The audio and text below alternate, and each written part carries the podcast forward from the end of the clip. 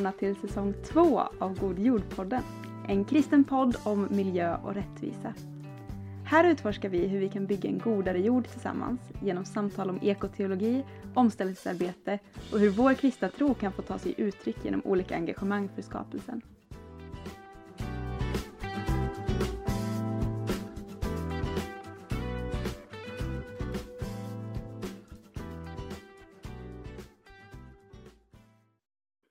Sådär. Ja, men då får jag väl välkomna dig Annika till eh, God jord-podden. Tack så mycket. Vad roligt att du vill vara med här. Och eh, jag vet inte riktigt hur jag ska presentera dig för att det finns eh, massa, men du är eh, författare och aktivist och diakon i Svenska kyrkan. Mm. Är det något jag missar? det är väl det viktigaste tror jag. Och du har skrivit en del om eh, både liksom det här med eh, skapelsevård men också om mystik och fredsaktivism så att eh, jag såg att du har gett ut en hel del böcker genom dina år. Ja, det har blivit några stycken faktiskt. Och mot slutet av det här kommer vi kanske komma in lite på din senaste mm. som handlar just om klimat och sådär.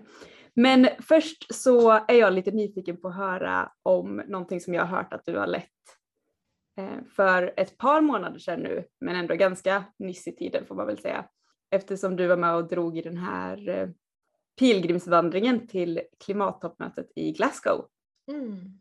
Vill du berätta lite om, eh, om det du bär med dig från den upplevelsen och ja, men vad väckte idén och vad, vad bär du med dig för minnen?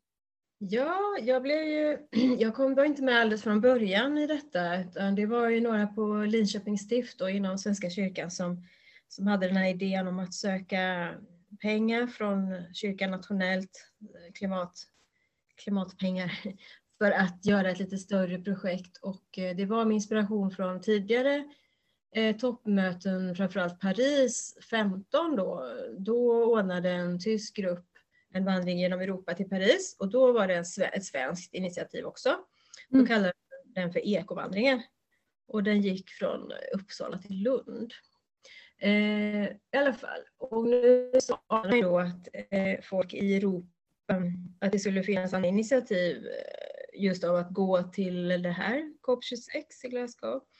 Och eh, ja, så när jag kom med i jag hörde talas om det kring jul då för 2020 och sen blev jag anställd på deltid i början av 21 för att jobba med, för, som vandringsledare. Då, då. Mm.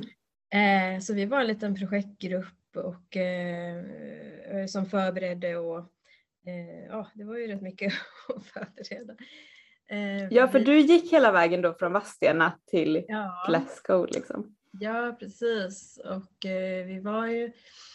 Eh, det var egentligen inte någon annan som gick eh, hela vägen med gruppen. Men det var ju, naturligtvis gick jag inte själv utan det, i Sverige var vi en 8-10 stycken men de flesta byttes ut varje vecka då, så att folk, de flesta gick en vecka.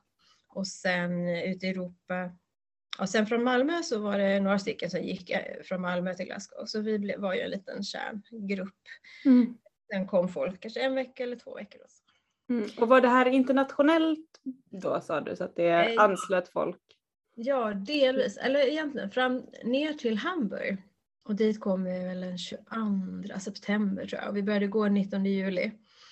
Eh, då var det helt organiserat härifrån Pilgrimscentrum i Vadstena med mm. alla övernattningar och kontakter ut med vägen och, och sådär då i samarbete förstås med, till exempel i Danmark har de ju en rörelse av ideella som jobbar jättemycket med sina pilgrimsleder. Och, så, de, så i Danmark var det en, ett par danska kvinnor som var med oss nästan hela, hela tiden, och vilket var ju väldigt eh, hjälpsamt. Och, eh, men ja, precis. Men sen så gick vi tillsammans med eh, en tysk eh, grupp och de var ju ett tjugotal och vi var då åtta, nio stycken. Så, att, eh, så då fick vi mer anpassa oss till, till dem och då hade mm. ju de förberett och lagt upp. Så.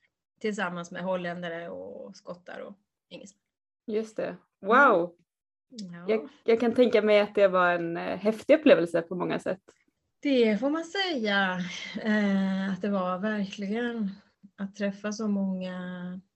Ja, men det ska jag säga att det var rätt påfrestande och inte så mycket för kroppen då. Jag hade varit lite orolig för fötterna, men det var inga problem alls. Det gick liksom jättebra. Men, men mer för sinnet och själen så var det rätt så påfrestande att vara ute, att liksom vara ute på, på borta från sitt hem och sin familj liksom, så pass lång tid och hela tiden möta en massa nya människor och mm. som jag då liksom känner ett ansvar för gruppen och för ja, olika bitar. Men, eh, men det var häftigt naturligtvis och uppmuntrande på många sätt att möta alla de här på varje ort liksom, i princip så mötte vi ju engagerade människor som hade mm. förberett sig för att ta emot oss och som tyckte att det var som att vi inspirerade dem genom vår vandring och vårt engagemang och de inspirerade oss också. Liksom, så det var ett fint utbyte. Mm. Mm. Wow. Och eh, hur, hur, lägger man upp en sån här pilgrimsvandring liksom när det både ska då vara med Gud men också med klimatet eh, i åtanke? Ja, precis. Jo, men vi utgick ju naturligtvis mycket från vår så här, svenska pilgrimstradition som den har utvecklats rätt så mycket härifrån Vadstena då. Det är 25 år sedan nu som eh, prästen Hans-Erik Lindström eh, startade, var ju den som i princip liksom startade upp Pilgrimscentrum här för 25 år sedan. Och, eh, så vi har ju med oss liksom den strukturen med liksom, eh, morgonbön och att man, skickar, att man har ett tema för dagen, att man skickar med någonting på morgonen. Att man går lite grann i alla fall i tystnad tillsammans, att man kanske får något man ska fundera på under tystnaden. Så. Att man har ett ett eller ett par kanske delanden under dagen, att man ställer sig i en cirkel och man får gå runda och ja, får dela om man, något man vill dela med sig till de andra. Mm. Eh, och rätt ofta att vi firade mässa. Eh, vi kallar ju den pilgrimsmässan då, bygger på psalm 23. Och den är ju väldigt som enkel och tar så mellan 15 och 20 minuter ofta att fira. Eh, gjorde vi kanske sådär varannan, var tredje dag i alla fall, ner till Hamburg. Och ja, så, det, så på, det, på de visen så var det väldigt, skulle jag vilja säga, en typisk pilgrimsvandring. Då, då. Mm. Men sen så kom det ju liksom till den här mer politiska delen, klimatpolitiska, eh, med att vi gick med eh, fem krav till världens regeringar. Och de hade mm. vi inte på själva utan vi, vi eh, liksom antog det som akt, Svenska kyrkan och deras globala nätverk, alltså biståndsorganisationer då, hade formulerat som sitt budskap inför COP26. Mm. Man kan läsa, vår hemsida är ju walkforfuture.se. Där kan man, om man klickar på budskap så, så ser man dem där. Mm. Så att vi gick ju med det, vi samlade in namnunderskrifter för de kraven då, då under vägen. Och vi hade liksom olika punkter. Ja, men dels att vi berättade om varför vi vandrar och så, men vi ville också att lyfta fram lokala positiva exempel på, på, på omställning och klimatarbete. Så mm. vi gjorde det här och där också. Så det var, ja precis. Det, jag tycker det är häftigt med den, med den kombinationen. Mm. Eh, jag har varit med lite i liknande sammanhang. Det var ju, under några år hade vi fredsvandringar till Karlskoga, till Bofors på temat då icke-våld, våld och vapenexport.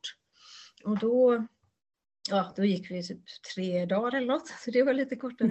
Men, men just eh, den här kombinationen av bön, tystnad, reflektion och liksom ett mer politiskt budskap. Jag tycker att det är en jättehäftig kombination faktiskt. Mm. Eh, ja. Verkligen, det känns som att det både liksom är stärkande för ens andliga liv kanske genom den här pilgrimsfärden men också att man känner att man gör någonting konkret i ja. sin aktivism. Ja. På många sätt.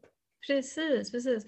Och det är många som upplever, ja och det är så kul att den här, det blev som en rörelse och det hade ju lite med pandemin att göra för att vi kunde inte vara hur många som helst då, då när vi mm skulle gå insåg vi efter ett tag att vi fick liksom kanske begränsat till ungefär åtta personer som sov över. Mm. Sen var vi fler på dagarna ofta. Men, men då blev det ju så att vi satsade mycket på att sända på, genom Facebook och vår hemsida. Så vi hade ju livesändningar två gånger om dagen ända ner till Hamburg. Och Och vi uppmuntrade alla att bilda sina egna grupper, göra sina egna vandringar, men använda vår bok och vårt material på hemsidan och så. Mm. Och att kolla på våra sändningar. Så det, och så det blev väldigt bra faktiskt för att det var i hela, runt om i hela Sverige så var, har det ordnats eh, massa, ja men de flesta kanske är så här halvdagsvandringar eller endags eller två, tre timmar eller så. Eh, på, på temat och, och sen har de rapporterat in steg till, för vi, vi samlar steg då liksom för att visa hur, hur många, ja hur långt vi är beredda att gå för klimatet i framtiden. Så så det du säger, ja jag tänker så här att det är verkligen en hjälp. Det är så bra redskap att vandra tillsammans i, just när det gäller omställnings och klimatfrågan. Ja, säkert inte bara den, men till exempel den. Eh, för att, för att vi behöver reflektera så mycket om hur vi lever och hur vi kan leva på ett mer hållbart sätt. Och det är så mycket enklare att göra när man är ute och går tillsammans. Mm. För för det, det blir ett annat typ av samtal då och folk verkar lite mer så öppna i, i sinnet efter några dagars vandring. Och, mm. ja, så det... Jag kan också tänka mig, eller jag, om jag själv ser på mitt liv, att det är väldigt lätt att så här mycket pockar på ens uppmärksamhet och man sällan hinner liksom tänka en hel tanke klart. Att mm. det här väldigt fokuserade som kommer med en pilgrimsvandring, liksom, det ger ändå man har någonting att göra samtidigt som man också verkligen får lägga fokus på någonting. Ja. Så ja, specifikt. Det är ju en annan fördel, åtminstone om man är borta några dagar eller, eller mer så, liksom att, man, att man lämnar sin vardag lite bakom sig och, och mycket bestyr man annars kanske har. Liksom, och så, så det blir en, en öppenhet på det viset också. Mm. Är det här någon rörelse som liksom är pågående? Du nämnde att det var ja. från Paris-toppmötet. Mm. Har det fortsatt sedan varje år eller är det här något också ja. som pågår mellan ja. mötena? I Sverige hände det ingenting mellan då 15 och till våran vandring. Men den här tyskarna som vi lärde känna då, då när vi gick med dem, där är det framförallt flera pensionärer som jobbar jättemycket med detta på ideell basis. Och de, de har ordnat, de har gjort någonting varje år. Mm. det var i Katowice 18 kanske?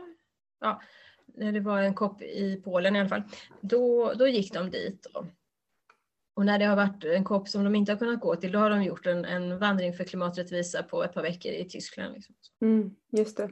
Ja, men, i Sverige, men nu hoppas vi ju då i Sverige att det här ska liksom leva vidare. Så vi pratar mycket om, nu är jag och två av mina kollegor, vi är anställda i några månader till i, i det här projektet då. Så vi funderar ju mycket på hur vi ska liksom få det att leva vidare och eh, ja, vad som krävs när man inte har något. För det är liksom en tydlighet, det här att gå till ett klimattoppmöte är ju en, det blir en speciell känsla och en tydlighet i vad man håller på med. Liksom. Mm. Eh, men eh, ja, vi har vissa funderingar på att kanske göra något inför valet i Sverige i, då, i, i höst som ju ändå också är en väldigt viktig politisk händelse med betydelse för eh, framtidsfrågorna. Mm. Mm, verkligen, och om man är intresserad då av att eh, läsa mer av det så kunde man gå in på er hemsida antar jag? Precis, walkforfuture.se.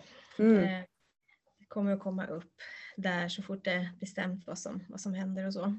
Men mm. man kan ju, ja precis, vill man ordna sin egen mindre vandring då är det bara liksom att det är kul om man anmäler det för att, eller inte anmäler, men rapporterar in stegen så att vi hör talas om det. Liksom. Mm. Så man inte. Men om man ställer sig bakom budskapet och använder loggan liksom i sin inbjudan och sådär så är det ju bara fritt fram och ordna. Mm. Just det, vad roligt. Det hoppas vi att det ploppar upp en massa mm. lokala mm. initiativ då mm. runt om i Sverige. Ja men vad kul. Det känns ju verkligen som att det här med miljö och aktivism och Gud har varit en väldigt eh, stor del av ditt liv. Ja. Ja. Har, har den kopplingen liksom alltid varit naturlig för dig eller vad, vad betyder sambandet Gud och miljö för dig och ditt liv?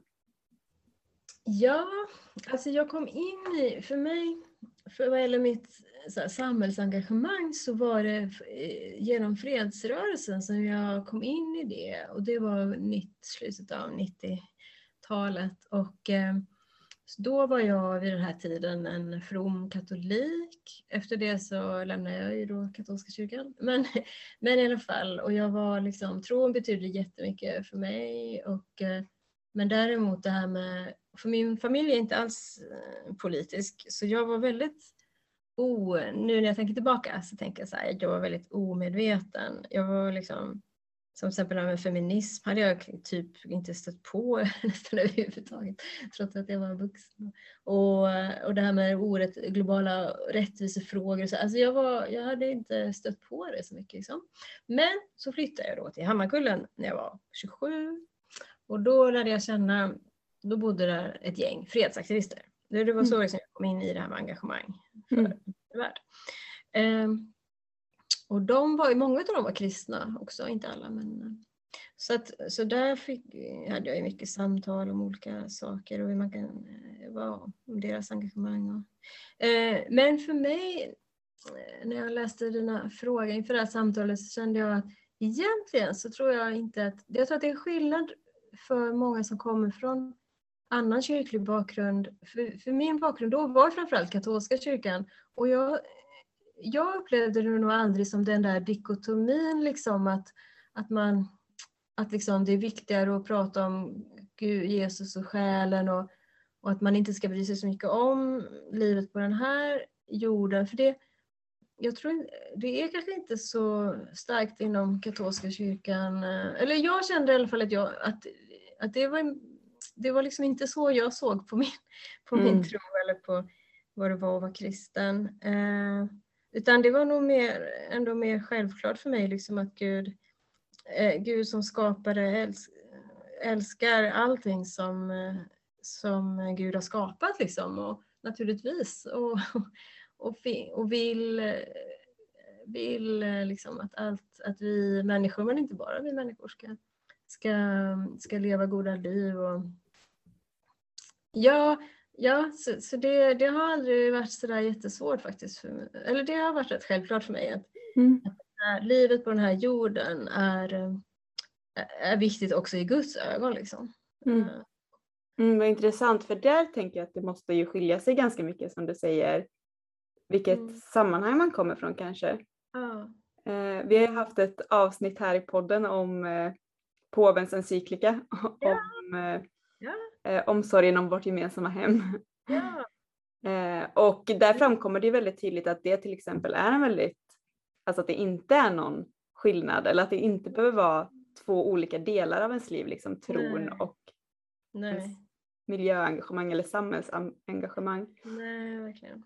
Eh, men har du sedan liksom i, i ditt engagemang mött på människor som har haft, jag vet inte, rädda sälar, och in, nej tvärtom, rädda själar och inte sälar liksom, som argument?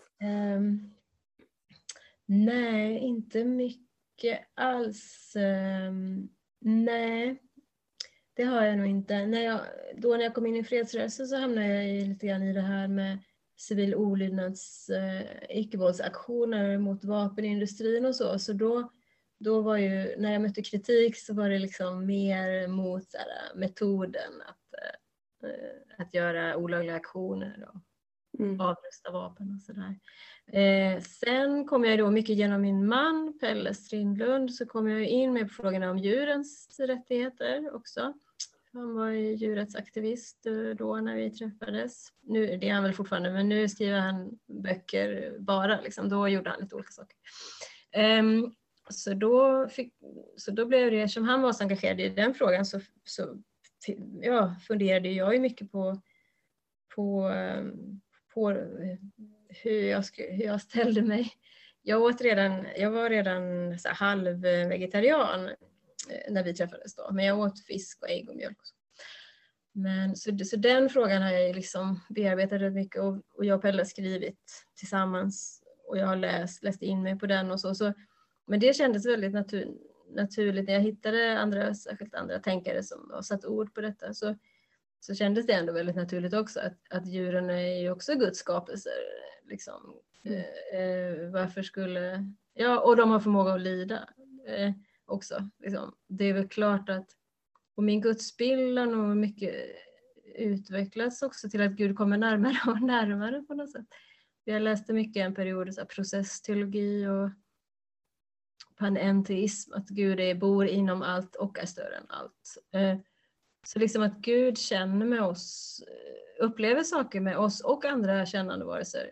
Liksom att Gud känner det vi känner på något sätt. Eh, mm.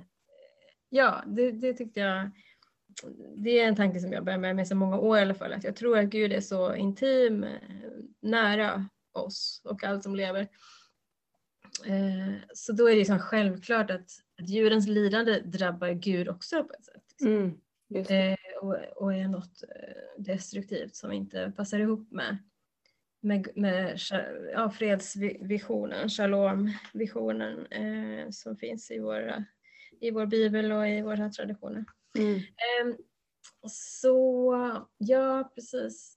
Och där kan man ju möta, apropå kritik, så kan ju det vara ett svårt ämne eh, bland kristna mm. ibland prata om djurens värde och värdighet och vad vi, om vi har någon skyldighet att till exempel inte föda upp dem för att äta dem och sådär. Mm. Men, nej, men jag har nog faktiskt inte så mycket stött på det här att, att man inte ska engagera sig för den här jorden och, och livet här. Det, det, har jag nog nästan mm. inte. Nej, vad, vad skönt. Men också så intressanta tankar du lyfter som du säger. Och, eh, som ni har skrivit då, du och din man, är bland annat en bok om just det här med djurrättsfrågor eh, och kristen djurrätt och då hade ni som underrubrik omsorg om djuren som kristen andlighet. Tror jag. ja. eh, och jag tyckte det var en fin titel. Eh, mm. Och ja, men du kanske redan har lagt ut orden lite kring det men just det här mm. ja, men att, att Gud är så närvarande i hela sin skapelse och upprätthåller livet på något sätt i eller på något sätt, han gör det mm. i hela skapelsen och där ingår mm. ju allt då. Och då ja. spelar det roll hur vi behandlar det. Ja, verkligen. Och det är ju faktiskt rätt tydligt i, genom framförallt Gamla Testamentet eh, hur vi är ansvariga som eh, att vi ska förhålla oss till allt annat skapat lite som Gud förhåller sig till oss. Liksom. Det är ju många exegeters tolkning av skapelseberättelsen och vad det är att vara Guds avbild. Att, att, att vi är Guds representanter på jorden. För vi har väldigt speciella förmågor och, och därmed en speciell roll. Liksom. Mm. Eh, men vad är det för roll? Eh, vad, vad, ja, precis. Och det är ju konstigt, vad säger det om vår gudsbild liksom, om vi tror att det är okej okay att exploatera och orsaka lidande för andra varelser? Eh, Ja, det, ja, det går liksom inte riktigt ihop i min hjärna. Mm. Mm.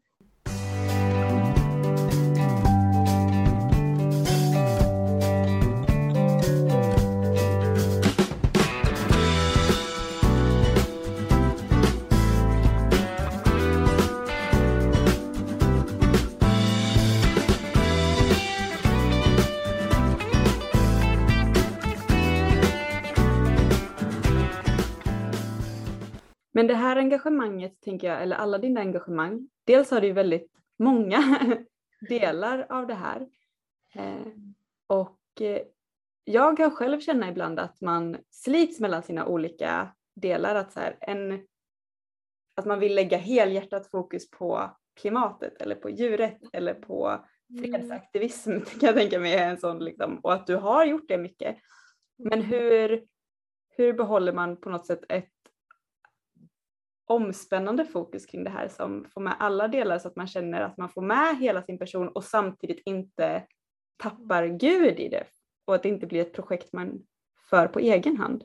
Mm. Mm. Ja, det är en stor fråga. Eh, jag tror att, att eh, jag tror att det är väldigt olika. Att vissa människor liksom, fastna på ett positivt sätt i en fråga liksom, och, och, och liksom nästan kanske resten av sitt liv så liksom, kör de på, på den. På, eh, Medan det kanske vanligare är att man har sina perioder, eller för så har det varit för mig i alla fall. Att, att liksom det var, jag menar de första från så 96 till, eh, till 2010 eller någonting så var liksom fredsfrågorna var verkligen mitt stora fokus. Eh, Eh, ja, fast ja, det fanns andra vid sidan av, men det var ändå de som var i fokus. Och, så.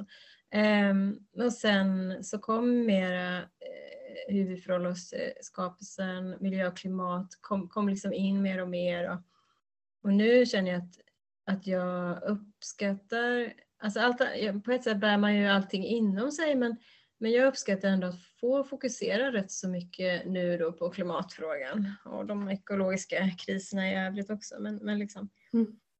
klimat, hållbarhet, omställning. Eh, det känns som att, ja, att det är så oerhört angeläget nu, det här decenniet är så avgörande.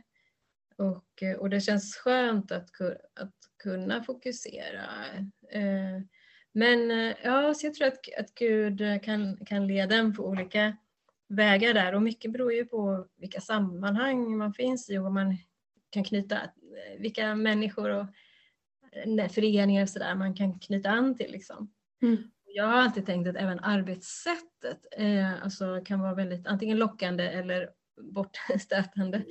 Om ja, men till exempel en del föreningsliv verkar lite fastna i sina former och bli att det handlar mycket om, om styrelsemöten och protokollen och budgeten och liksom att, vilket kan ta bort en del glädje mm. och energi och så. Så att så att vilka, man kanske hittar en rörelse som man dras till delvis på grund av hur de jobbar, inte, inte liksom sakfrågan eller så. Eh, och det är också, så kan det ju vara, för det är ju jätteviktigt hur vi mm. jobbar, mm. Tycker jag. Eh, eller där fick jag med mig väldigt mycket från den del av fredsrörelsen som jag kom in i då. då. Mm. Eh, att, liksom, ja, men att jobba mycket med små grupper och rundor och att få dela med varandra hur, man, hur det känns och vad man är rädd för och hur man har det. Liksom. Att man inte bara är fokuserad på uppgifterna. Mm. Utan att man får vara med med hela sin person. Eh, det var, det tyckte jag, jag uppskattade det så mycket. Och, eh, så det hoppas jag att fler aktivister ja, hamnar i sådana sammanhang. Mm. Och hur har det fungerat då? Du sa att det är fredsaktivisterna du lärde känna i slutet av 90-talet Eh, mm. Att det var en blandning mellan kristna och inte kristna personer. Ja. Eh, hur, hur knöt du samman det med din tro och fick du möjlighet att lufta din tro där till exempel? Eller hade du ett separat sammanhang för det? Nej, nej det hade jag inte. Eller jag gick med i, i Kristna fredsrörelsen i, i, det, i den vevan någon gång. Jag var med i deras styrelse ett par år där kring millennieskiftet. Då. Eh, så att så att jag var liksom lite nyfiken på, på dem just eftersom de var specifikt kristna och så. Men nej, men jag hade som sagt så pratade vi mycket, alltså vi som var kristna och bodde i Hammarkullen och var engagerade i fredsrörelsen, vi var ju som en lokal gemenskap för varandra liksom och mm. pratade mm. om de här frågorna och även församlingarna, alltså både Svenska kyrkan och, och Equmeniakyrkan som fanns där då, de var ju också liksom väldigt öppna för eh, Ja, och prästen i Svenska kyrkan hade ju liksom varit fredsaktivist tidigare i livet och sådär. Liksom, så det, det, var, det var en miljö där det var väldigt eh, självklart med den kombinationen. Just det. Hur har du upplevt att det har tagits över i ditt klimatengagemang nu då? Har du hittat liknande grupper i det? Mm. Eh, ja, precis. Jag har innan, nu är ju mitt sammanhang väldigt i hög grad då, Walk for Future också. Det, och det känns, är jag väldigt så glad och tacksam för. För det, det känns väldigt rätt för mig liksom, att jobba med, mm. med vandringen som metod och utifrån ett kristet sammanhang. Liksom. Men ja, nej men eh, jag har jag var på ett, med på ett hörn av Extinction Rebellion en kort tid. Jag bodde i Uppsala. Och sen har jag varit med lite i Fridays, inte Fridays for Future kanske, men Preachers for Future mm. i Uppsala och stod på fredagarna på ett torg där.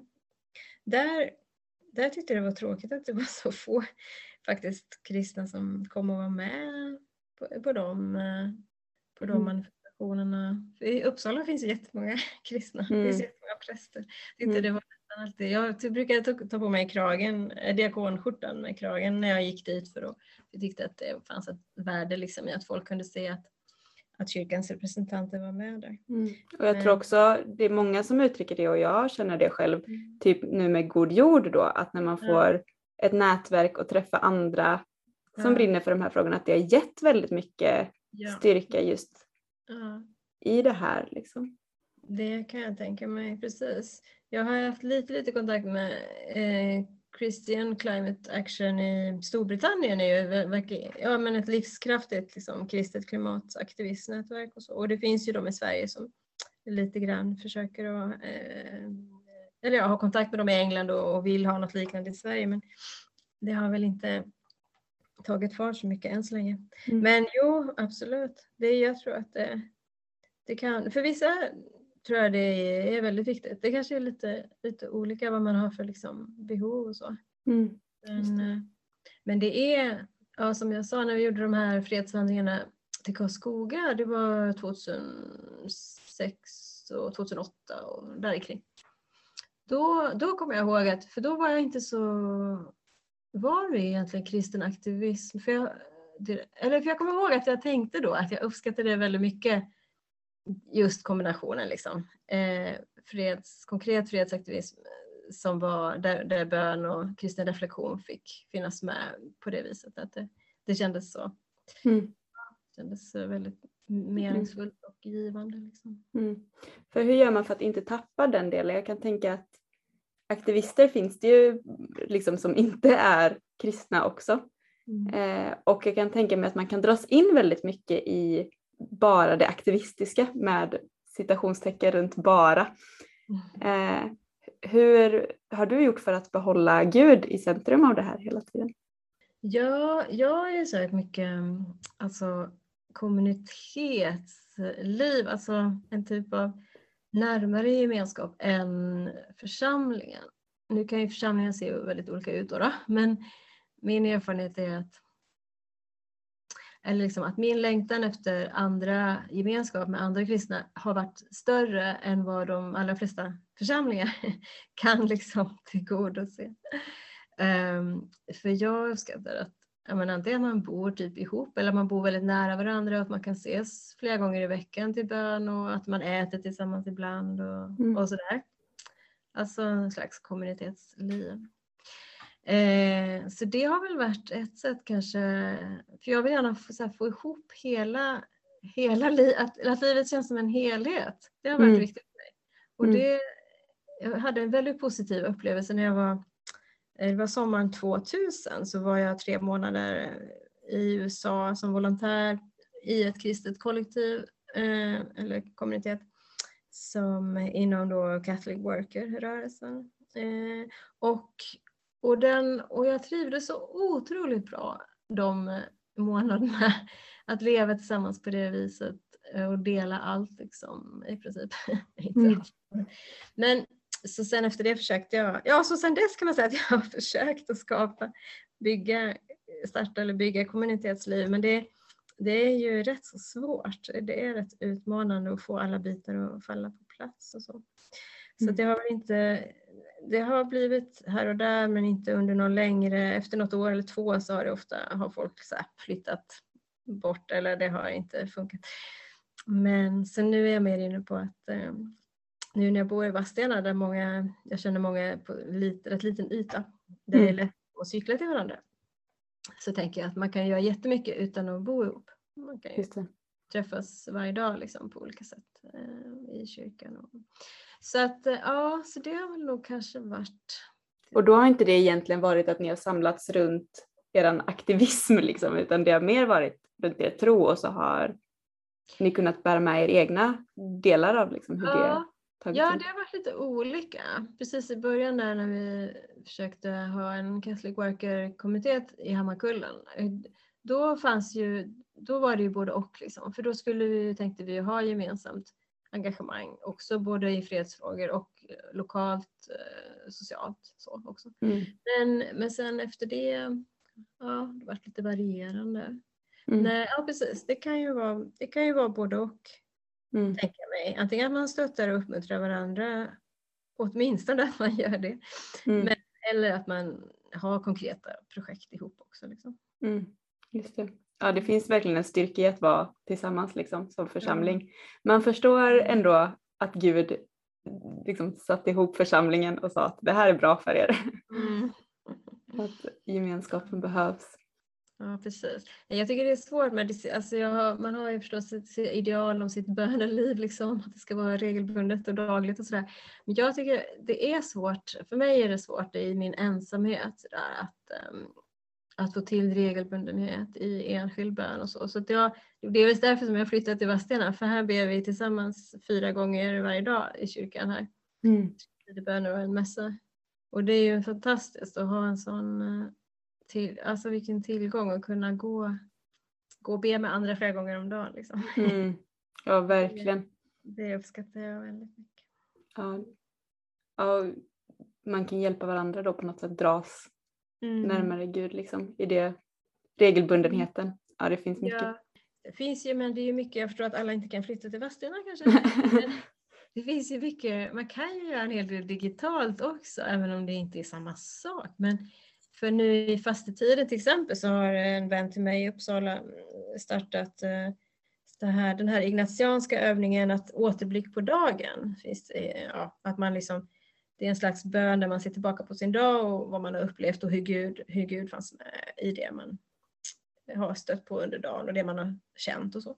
Eh, och, så hon tog ett initiativ och varje kväll, varje kväll under fastan klockan nio så finns det då en Zoom-länk så leder hon den här, eh, den här meditationen då liksom. Mm. Eh, så man är, bara, man är bara tyst och lyssnar på ja, och ber med, med henne då. Jag menar, det är ju ändå rätt fantastiskt att, att tek, när tekniken kan användas på, på det viset. Verkligen. Verkligen, för det är som du säger, alla kan inte flytta till Vadstena. Men att uh, försöka hitta de grupperna man kan ha. Liksom. Mm. Ja, det är nog väldigt starkt. Mm. Något annat som jag funderat mycket på nu när jag eh, läst vad du håller på med och sådär, men också baserat på världsläget just nu eh, i, med krig i Ukraina och mm. allt sånt. Så, och en, en klimatkris som liksom står för dörren på många sätt. Mm. Så eh, tänker jag att det finns en risk att bli nedslagen när man också finns i de här aktivistiska sammanhangen eller när, när det är det som man brinner för. Liksom. Mm. Eh, hur skulle du säga att du har gjort för att hålla hoppet uppe? Ja, det, det är nog väldigt mycket ändå genom handlingen skulle jag säga. För det är ju liksom eh, ångestreducerande att göra saker tillsammans med andra som man tror på.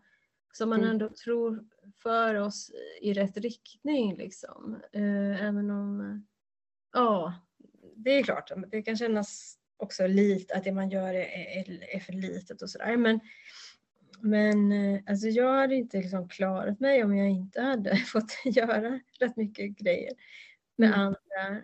Eh, för då tror jag faktiskt att jag hade blivit deprimerad eller något åt det hållet. För för det är ju dels själva gemenskapen, känslan av vi, vi, jag är inte ensam. Vi mm. är, mm. vi är flera som bryr oss. Och, och också liksom kreativiteten i att skapa. Så för en del av en del av aktivismen i bästa fall är ju att skapa alternativ. Det handlar liksom mm. inte bara om att säga nej till en del av det kan ju behöva vara att säga nej till saker och försöka ställa sig i vägen för det som är destruktivt. Men det är bra om det finns en annan minst lika stor del som är mer konstruktiv. Alltså vad vill vi se för samhälle? Vad kan vi börja bygga här och nu? Lite som omställningsrörelsen tänker också. Mm. Eh, och ja, inom icke-våld finns ju den tanken mycket från Gandhi och framåt. Liksom, att att det, det, det, det är en jätteviktig del av icke-våld också. Um, både struktur, kultur, strukturer, som hur vi tar beslut i mindre grupper. Liksom. Det är också icke-våld. Att vi inte kör över varandra, att vi lär oss att lyssna på varandra och sådana saker.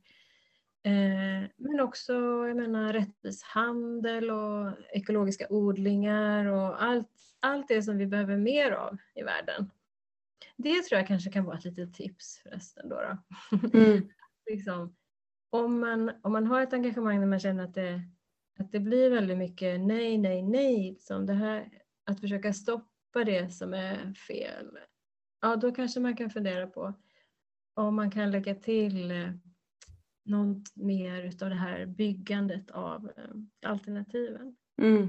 För det är mm. liksom lätt, för det aktiverar andra känslor och andra saker inom mig.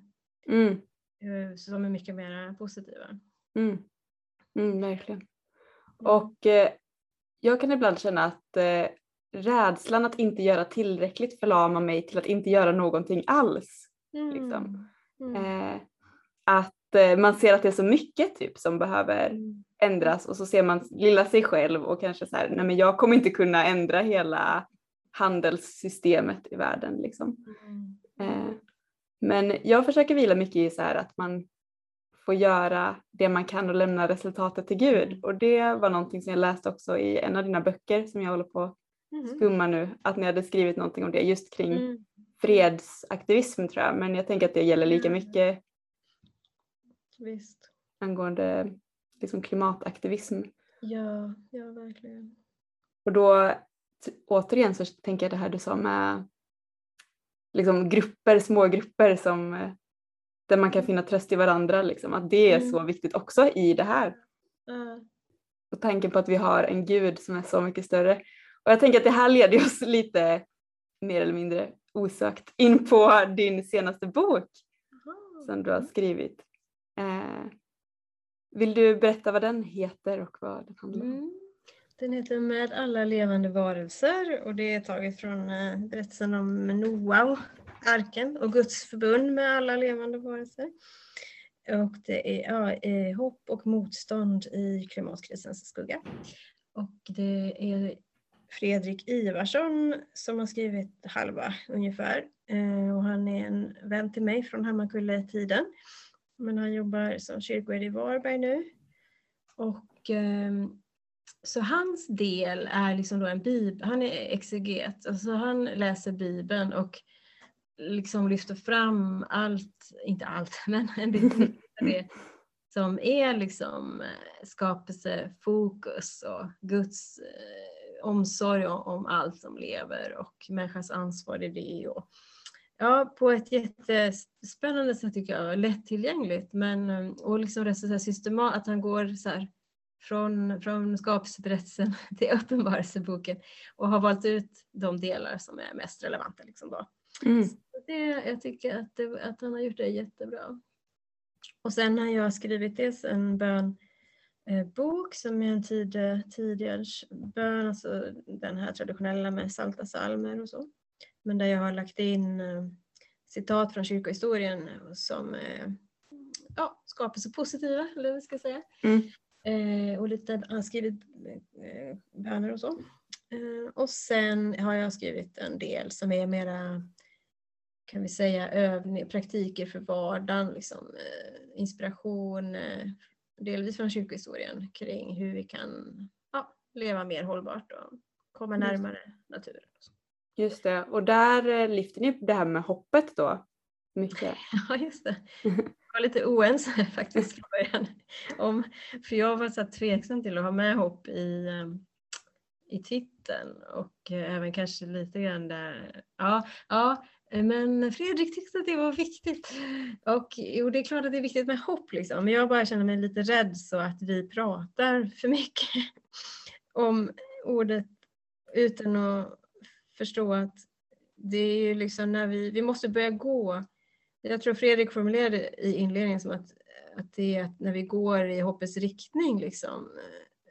När vi går åt rätt håll. Det, det ger oss hopp. Liksom. Mm. Och det det är viktigt för mig. Att, att, att eh, precis, för annars riskerar det att bli ett falskt hopp. Mm. Om vi inte är beredda att förändra oss. Mm. Um, så. Men det handlar om omvändelse faktiskt. Mm. Och också så eh, som du sa innan att när man gör någonting liksom aktivt för mm. ja, men går eller gör någon annan aktivistisk handling liksom, att mm. det skapar motivation i sig och det skapar hoppet i sig istället för det. För jag tänker att eh, hopp kan ju också låta väldigt abstrakt och någonting som man ska ja. känna så ja. inom sig och finna hoppet i Gud och sådär. Ja. Men att när man väl börjar gå och se att Gud är med mm. på något sätt så, så får vi mm. liksom uppleva hans löften. Mm. Mm. mm genom det. Precis. Det är en bra fråga, liksom hur det kan bli en levande verklighet och inte bara ett, ett ord. Eller? Mm. Mm. Verkligen. Just det, och få med sig då hela. Så det, jag blir väldigt sugen på att läsa den här boken och få med mig både det bibliska och en mer så vardags av hoppet helt enkelt då, och av klimatpåverkan i ens egen värld. Ja, vad kul! Och det finns en studieplan nu som Bilda har gjort som blev klar häromdagen faktiskt. Ja, så vad roligt. Det finns på deras hemsida. Ja, men vad kul. Så, ja, det, jag hoppas att folk kommer att hitta boken. Mm. Ja, men det skickar vi med ut här också då, att, eh, som tips, bilda studieplan och yeah. er bok. Mm. Ja, men vad kul. Eh, tack så jättemycket för det här samtalet. Mm, tack själv. Verkligen. Jag tycker att det är jättekul att få höra vad du har eh, vad du har hållit på med genom livet och din berättelse och hur du har fått med dig Gud i, eller hur Gud har fått med sig dig genom den kanske. Ja, ja, tack, det var fint.